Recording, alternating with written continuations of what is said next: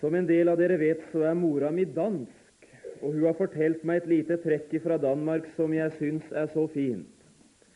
Det var nokså mange år siden så hadde de i Danmark ei kjent skuespillerinne. Hun het MC Collett og var en av Danmarks aller mest kjente skuespillerinner. Hun hadde lagt merke til én ting fra teatersalen som hun ofte tenket på etter hun ble en kristen. Hun hadde lagt merke til det at før forestillingene begynte, så var folk veldig opptatt med å se seg omkring. Da var de opptatt med den festkledde forsamlingen. De var oppkledd, opptatt med det prektige teaterlokalet. Og de var liksom slått av all den prakt som omga de. Men idet teppet ble dratt til side, så mista alt omkring sin interesse, og så festa de blikket bare der. Så ble MC Collett altså en kristen, og så skrev hun ei sang som vi har i sangboken vår.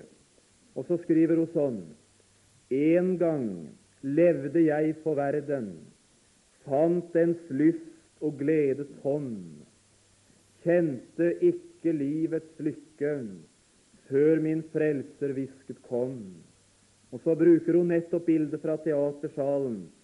Sløret dro han fra mitt øye, viste meg sin herlighet. Si meg, er det da et under verden bleknet helt derved? En gang levde jeg for verden, men nå lever jeg for Gud.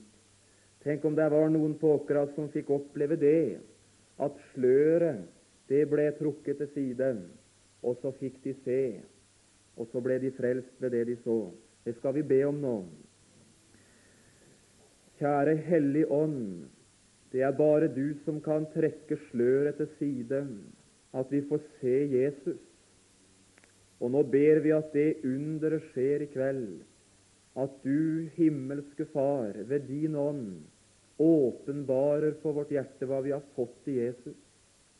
Vil du la oss få se inn i evangeliet slik at vårt hjerte rettes på deg, og trellebånd og slavelenker, de løses.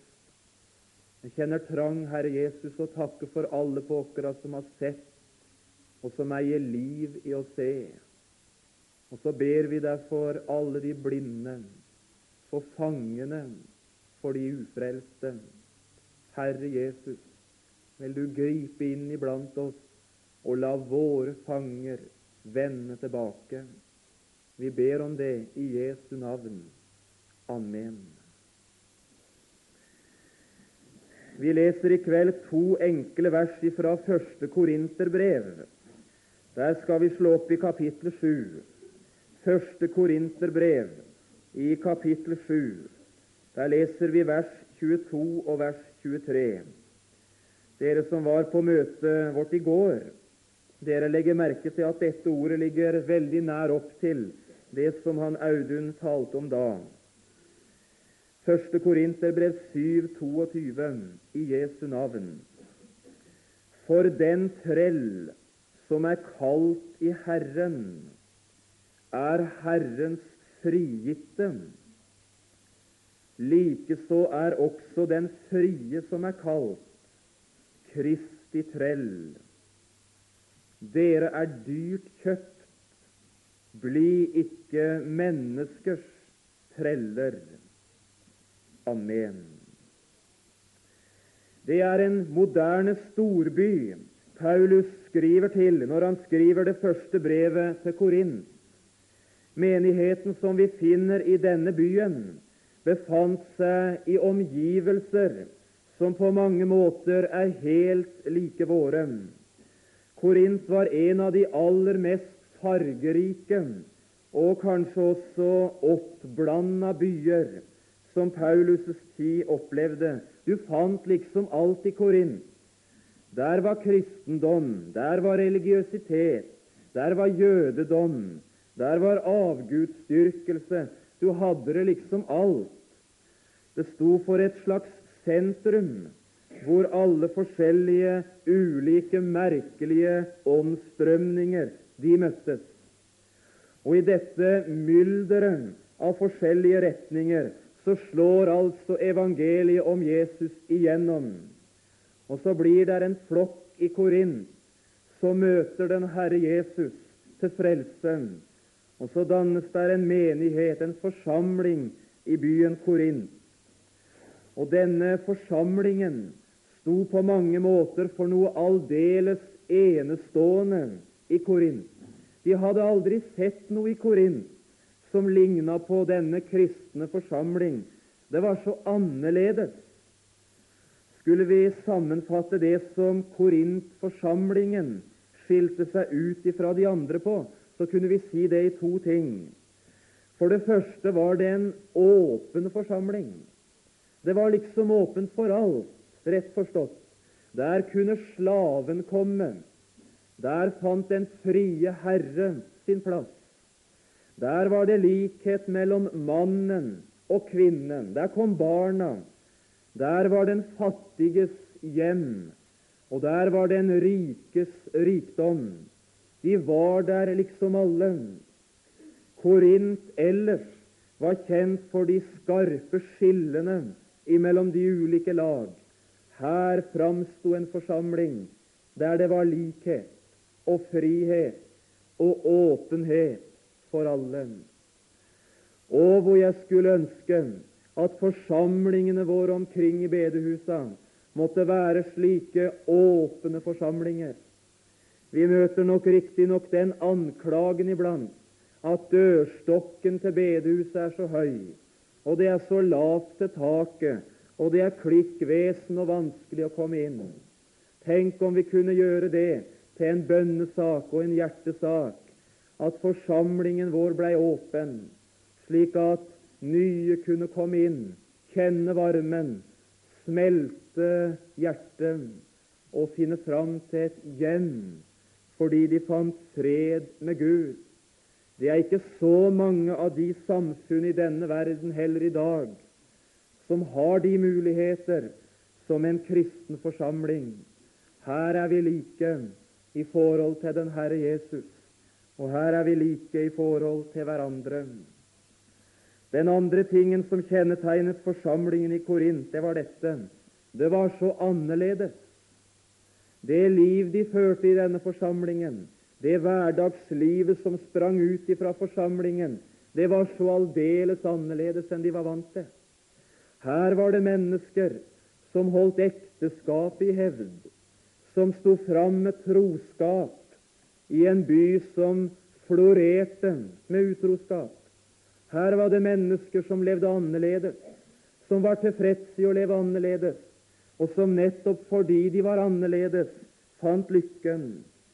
Her møtte vi mennesker som holdt ærlighet i hevd, som ikke var angrepet av maktsyken, som var innstilt på å kunne lide urett, som hadde åpnet sitt hjerte i gaver og i offer for de trengende.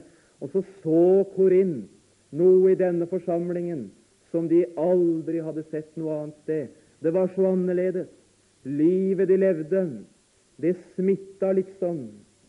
Og så så de her noe som du kan stole på dro. Det står noe i profeten Malakias om en dag. Og Jeg skal ikke gå inn på den profetiske sammenheng i det ordet, det kan jeg vel ikke heller. Men det står i Malakias 3,18.: Da skal dere atter se forskjell mellom den rettferdige og den ugudelige, mellom den som tjener Gud, og den som ikke tjener ham. Troende venner, vi er på full fart inn i ei tid der den troende skal være annerledes. Det skal komme til å stå ikke lenger bare om disse adiafora-spørsmåla som vi har vært så opptatt med. Det er viktige nok. Men det skal bli hovedsaker i tida som kommer. Om en vil være en kristen, så kommer en til å være annerledes. Men jeg har trang å si vi skal aldri være redd for å være annerledes. Jeg har ingen tro på å vinne verden på verdens bølgelengde. Vi trenger ikke å bli verdsliggjort, men vi trenger å bli åndeliggjort og annerledes for å være det salt og det lys i verden som vi er kalt til å være. Jeg nevner bare disse to tinga for å sette en strek under hva som dro i Korint, og hva som drar i dag. Et åpent samfunn av de troende, der det ingen rangforskjell eller statussymbol skal finnes. Et samfunn av mennesker som akter Guds vilje høyere enn egenviljen, som blir annerledes, og som er sterke fordi de er annerledes. Du legger merke til i det ordet vi nå har lest i kveld, at her gjør Paulus bruk av det han så i menigheten i Korint.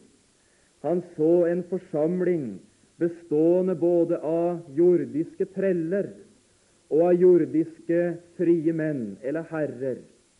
Og så ser Paulus denne forsamlingen der treller og herrer gikk så godt i sammen. Og så bruker han dette her til å løfte fram de åndelige sannheter om trelldom og frihet. Du legger merke til hvordan han skriver. Han henvender seg liksom til trellen, og så sier han du skal ikke gjøre deg så stor sorg om du må være trell i verden på den måten. Du skal huske det. Du er jo Herrens frigitte. Og så henvender han seg til de som er frie. Det er ingen grunn til å rose seg av sin frihet. Vi er jo kalt til å være en Kristi trell.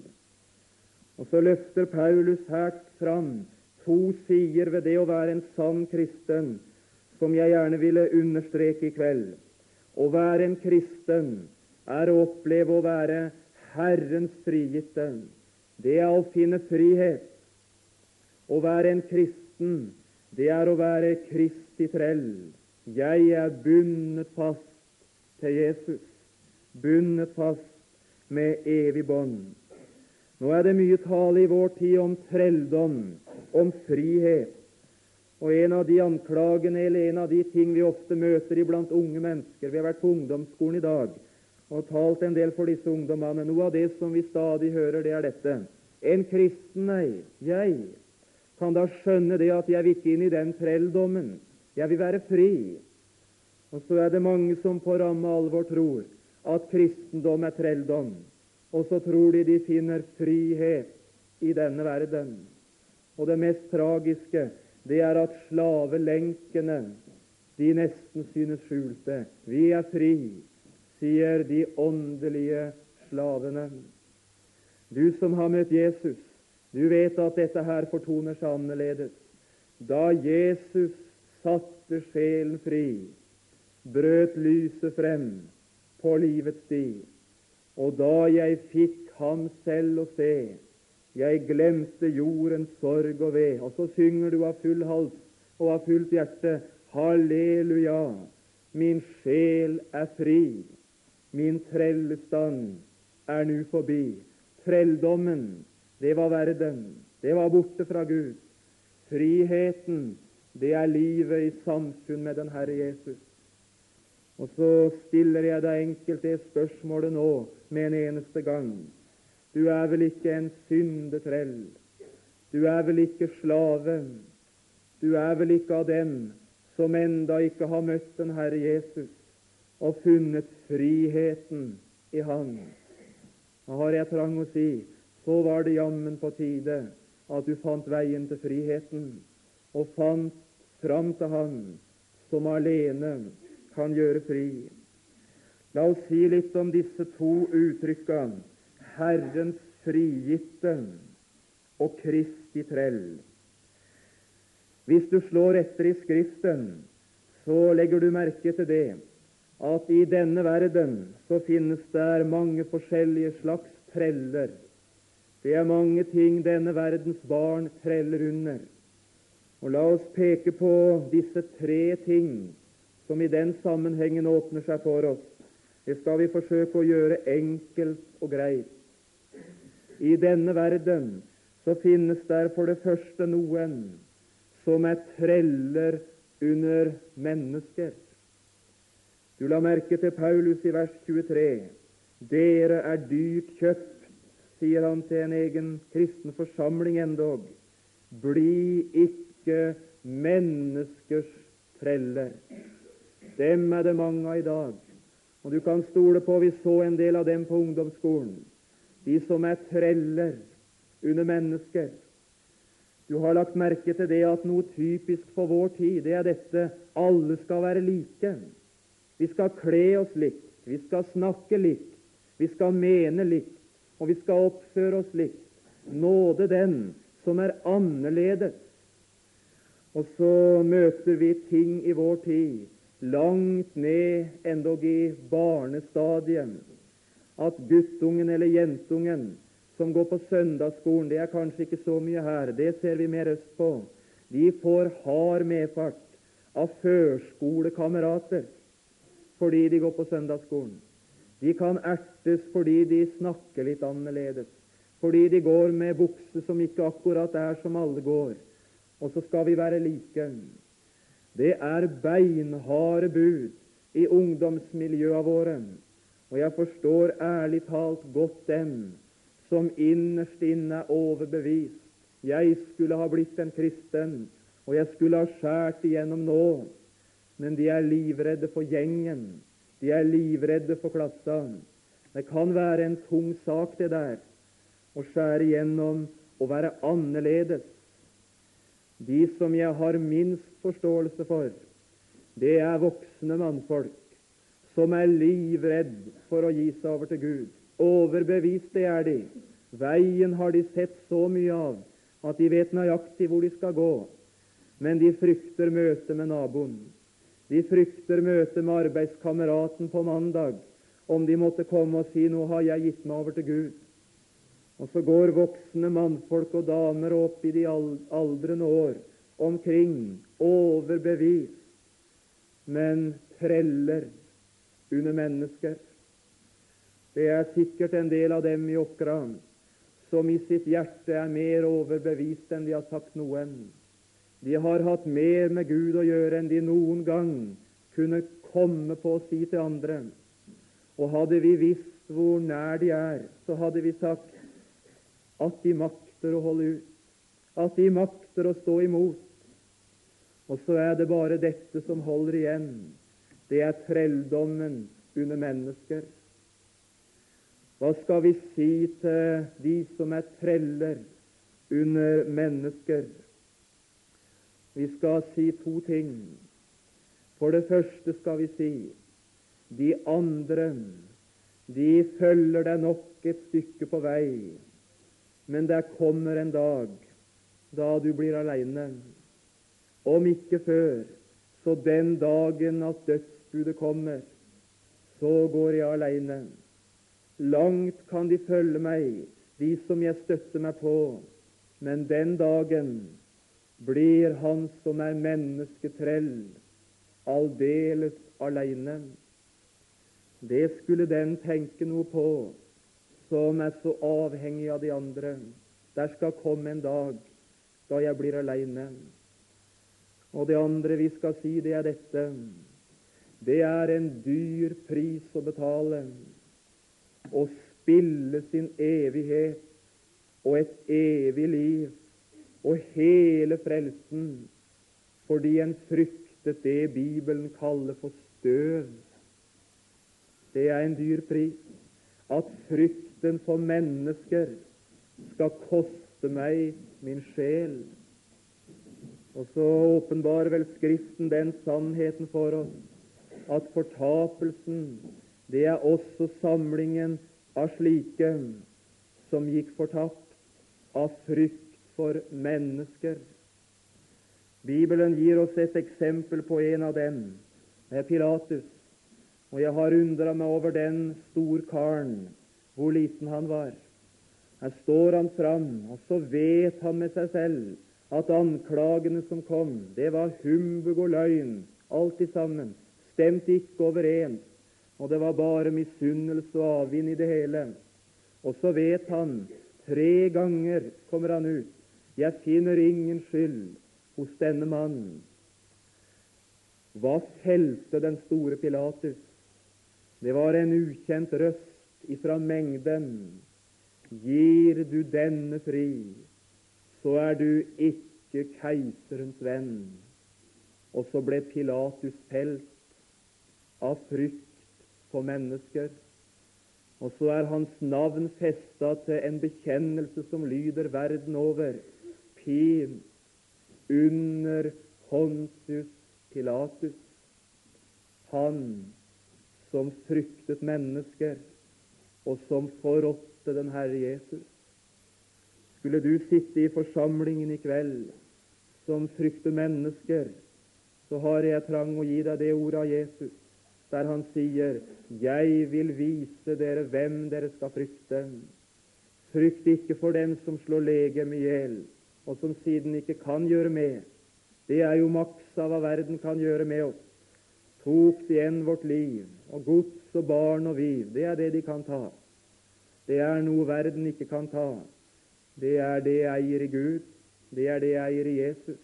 Og så sier Jesus, frykt for Han som har makt både til å slå legem i hjel, og som siden kan kaste i helvete. Det er en åndelig sannhet. Guds frykt driver menneskefrykten bort. Det er når jeg får se jeg har med Gud å gjøre, og jeg skal møte Han alene. Det er da menneskemeningene betyr noe mindre. Det er Gud det dreier seg om. Bli ikke menneskers treller. Den andre slags trelldom, det er den som kanskje er mest talt om i våre forsamlinger. Det er trelldommen under synden. Det er en livslov i den åndelige sammenheng at synden, den binder. Han var vis, søndagsskolelæreren, som tok søndagsskoleungene for seg en søndag formiddag og hadde med seg trådsnella si hjemmefra. Tok han opp den største pluggen i søndagsskoleflokken, han som var kjent for å være sterkere enn alle, satte han fram på podiet og så sa han, nå skal vi binde han Per med sytråden. Tror dere jeg klarer det? Nei, det var det ingen som trodde, at han kunne binde sterke Per med sytråden. Og ganske riktig, når sytråden ble vikla rundt en gang, så sleit Per som ingenting. Men så begynte søndagsskolelæreren å gjøre noe som de til sin forskrekkelse oppdagte var farlig. Han tok den samme bitte lille sytråden, og så begynner han å vikle. Den vesle sytråden som enhver av oss sliter bare med et nøkk, den begynte han å vikle med. Og så vikler han godt, og så sier han til sterke Per, som var sterkere enn de alle, nå kan du slite, Per. Og så var Per fullstendig bunden av den vesle, uskyldige sytråden. Den var livsfarlig fordi det ble så mye av den. Og så sier sjelefienden til unge mennesker dette er ikke så farlig. Dette gjør alle. Det er klart om du smaker på litt drikk, så skal ikke du bli alkoholiker. Det er da opplagt at du kan styre det der. Og så begynte det med en liten sytråd, og så endte det for mange i et slaveri det begynte i dette å bruke ord som en ikke skulle. Om du banner bare lite grann, så gjør jo ikke det noe. Det gjør jo alle det, og det er jo noe som du liksom vinner litt på det. Og til slutt så rant det råtne ord uten at de tenkte. Synden ble en makt. Og Vi kunne nevne de mange eksempler. Du tror da vel ikke at sjelefienden er så dum at han går omkring og sier til alle ugudelige mennesker Hør nå på meg, så skal du bli trell. Å nei, han kommer der med lokkemat og lokketal om frihet, og så vikler han det uskyldige omkring, og så er jeg bundet. Synden binder. Hva binder den til? Den binder til skyld. Den binder til skyld synd, det er skyld innenfor den levende Gud. Synd, det er gjeld som jeg blir krevd for en dag. Jeg misbrukte mitt liv. Synd, den binder som en makt. Jeg begynte å være Herren. Jeg endte som trell. Synden binder til skyld, til makt og til lønn. Syndens lønn er døden. Og så har jeg trang å si deg en ting, du som treller under synd. Det er en som lot seg binde av synden en dag. Det er en som ble gjort til synd for deg. Det var en som ble så gjort til ett med selve synden at da Gud så han, så så han bare synd. Så så han verdens totale sum av synd i én person. Og så behaget det Herren å knuse ham. Jeg har sånn trang å si da de bandt Jesus, så løste de en Barabbas. Da de bandt han som alene var fri, så var det muligheten for den som var bundet, til å bli løst. Der er ingen som kan løse ifra syndens skyld, ifra syndens makt og ifra syndens lønn som Jesus. Og så er det Han som vi så gjerne ville løfte fram, Han som kan løse ifra synden. Det Jesus taler om i Johannes 8, hver den som gjør synd, er syndens trell. Og så klinger det som en skarp kontrast et par vers seinere. Men får da Sønnen frigjort dere, så blir dere virkelig fri. Du som er trell under synd, som frykter straff, nå skal du få et ord. Det står noe i 1. Johannes 4 som er så forunderlig fint, syns jeg. Det er et ord til den som frykter fordi han har oppdaget at han er syndetrell. 1. Johannes 4. Der står det sånn Unnskyld, 1. 1. Johannes 4. vers 17. I dette er kjærligheten blitt fullkommen hos oss, at vi har frimodighet på dommens dag. For like som Han er, så er òg vi i denne verden. Og så står det noe fint. Frykt er ikke i kjærligheten, men den fullkomne kjærlighet driver frykten ut, for frykt har straffen i seg. Og Der ser jeg noe, for, noe forunderlig fint. Den fullkomne kjærlighet. Hva er dette for noe? Det er Golgata, det, venner. Og så står det om Golgata at den fullkomne kjærlighet, Golgata-kjærligheten, den formår å drive frykten ut. Hvilken frykt?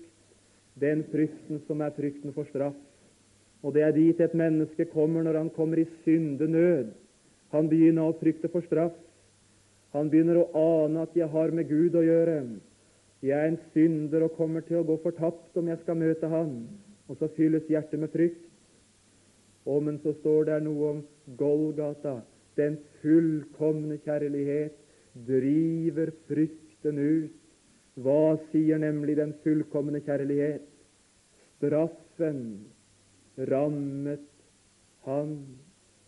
Han stedfortrederen, du gikk for meg en blodig sti, mens jeg som skyldig var, slapp fri. Det var en som var villig å dø i mitt sted for at jeg skulle leve ved Han. Der det ordet går inn, der løses jeg fra syndeskylden. Der løses jeg etter hvert fra syndemakten der er jeg Guds frie barn, frigjort av Jesus. Trelldom under synd. Og så endelig dette tredje. Det kaller jeg, uten å ville bli misforstått, for trelldom under loven. Ja, Hva mener du med det, predikant? Det mener jeg følgende med. Når et menneske begynner å bli vakt, når han begynner å få med Gud å gjøre, så begynner det naturlige mennesket med en eneste gang å tenke slik Skal jeg komme ut av det med Gud, ja, så må det bli forandring i mitt liv. Da må jeg slutte med det, og så må jeg la være å gjøre det. Og så får jeg legge dette av, og så får jeg begynne med det, og lese litt og be mye, og, og gå og høre. Og så er det mange som tenker at kan jeg bare klare den forandringen, så er Gud tilfreds. Og så kommer de inn i et nytt trelldomsliv. De begynner nemlig å slite. De begynner nemlig å skulle regne med at jo da, Gud er nådig, Gud frelser, om du bare kan prestere det som skal til. Hvor mange av oss har ikke vært borti det der? Vi skulle begynne å slåss mot synden og mot djevelen og mot verden og mot andre mennesker og mot oss sjøl. Og så bala vi oss inn i et forferdelig slit, for vi fikk det jo aldri til. Vi makta aldri å seire, aldri å lese nok, aldri å be nok, aldri å få bukt med synden. Og så kom vi inn i et trelldomsliv, og vi sa det vel av og til så galt har det aldri vært som det er nå. Og så syns vi vi så så mye av oss sjæl at nei, for deg er ingen nåde. Og så hadde vi ikke grepet ordet nåde trelldom under loven, som jeg kaller det, det er dette. Jeg tror jeg har med en kravets Gud å gjøre, som er nådig så fremt jeg innfrir kravene. Og nå skal jeg få lese et ord, og kan du gripe det, så finner du veien ut av lovtrelldommen. Kolosserbrevet i kapittel 3. Jeg vet ikke om jeg makter å male det som jeg skal, men det står så forunderlig fint. Kolosserne 3, vers 3 og 4. Der sier Paulus til den troende dere er jo døde. Det skjedde da Jesus døde. Da døde du i Guds øyne. Og eders liv, det er det gamle livet, det er skjult med Kristus i Gud. Det var det som skjedde da Jesus gikk til Golgata. Da ble ditt liv og din synd gjort til hans. Det ble skrevet på hans regning. Og så ordnet Jesus opp med det der. Ditt liv det er ikke lenger åpenbart i deg. Kristus, vårt liv. Ser du det? Kristus, vårt liv. Jesus levde ditt liv om igjen. Jesus levde et skyldfritt, et ulastelig, et fullkomment liv. Og der var ingen kravets Gud som hadde noe krav han lenger kunne stille. Det var oppfylt alt. Og så lyder det i evangeliet Kristus, vårt liv. Og om du fikk se det, du som sliter med deg sjøl for å bli annerledes, du som strever med å bli den du skal være, det får du aldri til. Og så har jeg trang å si nå skal du se på Han som fikk det til. Og skal du betrakte hans liv, legge merke til hans rettferdighet og se et fullkomment liv og høre dette. Det var ditt liv Jesus levde om igjen. Kristus, vårt liv. Og skal jeg ikke lenger trelle under loven og kraven. Jeg skal få stå ren og rettferdig, himmelen verdig, ikke i meg, men i Jesus jeg er. Og her har jeg en enkel sak. Jeg skal øyeblikk være ferdig. Men til deg som er en kristen, og ikke minst til deg som er ny på veien, vet du hvordan vi ofte opplever det å være en kristen? Vi grunner vår frimodighet på oss sjæl. Når bibellesninga vår går, når det er mye å få, da fryder vi oss. Når vi ber, og det er liksom så velsigna godt å be, da er vi frimodige. Når tjenesten lykkes og vi får noe av Guds ord, og fristeren må li nederlag. Når det liksom lykkes, da er vi frimodige og tenker 'Å, så godt det er å være en kristen'. Og så trenger det ikke å gå mange dagene, så mislykkes bibellesninga. Det er som langhalm, og så tørt at vi får ingenting. Og så ber vi da, vet du, og det er stengt som en hermetikkboks. Bønnen når ikke til taket, og langt mindre inn i himmelen. Det nytter ikke å be. Fristeren kommer, og så faller vi i synd som vi tenkte vi skulle ha vært ferdig med. Og så mislykkes vi og aner hva det ordet 'sønderknust' betyr. Da gikk i stykker alt. Og så tenker vi i stille stunder kan du være en kristen som du er? Det går jo i stykker alt. Kan Gud være tilfreds med meg? Kan det finnes gnist av kristenliv her? Og så tenker jeg nei, jeg kan vel ikke det og er det vi er i ferd med å gjøre? Vi er i ferd med å kaste anker i lasterommet, åndelig talt. Og det er jo ikke videre viselig. Nå er jeg landkrabbe og har ikke greie på verken båter eller anker. Men jeg vet da iallfall så mye at hever en anker i lasterommet, så er det liten hjelp. Og det er det du er i ferd med å gjøre. Du forankrer din frimodighet i din bibellesning, i din bønn, i din tjeneste, i at du lykkes. Og så er du frimodig så lenge du lykkes. Og når du ikke lykkes, så er frimodigheten borte. Og så er du i ferd med å komme inn i trelldom, i slit og i strev. Ankeret, troende venner, det må ut utenfor meg selv og få tak i noe fast og trygt. Ankeret, trosankeret, det skal være grepet fast, knytta fast i klippen, i at det lyktes for Han.